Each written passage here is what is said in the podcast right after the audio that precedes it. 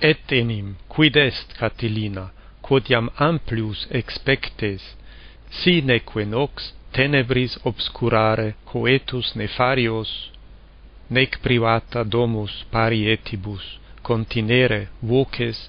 coniurationis tuae potest. Si illustrantur, si erumpunt omnia, muta iam istam mentem, mihi crede.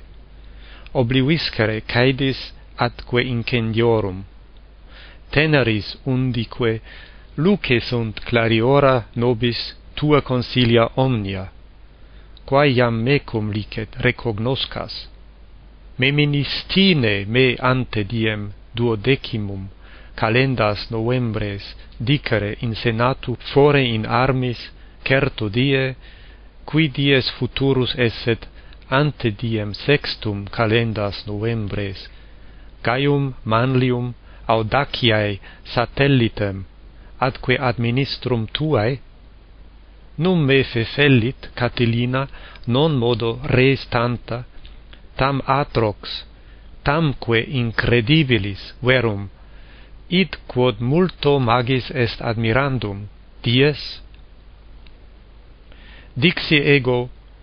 idem in senatu caedem te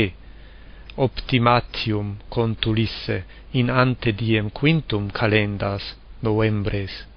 Tum cum multi principes civitatis Roma non tam sui conservandi quam tuorum consiliorum reprimendorum causa profugerunt.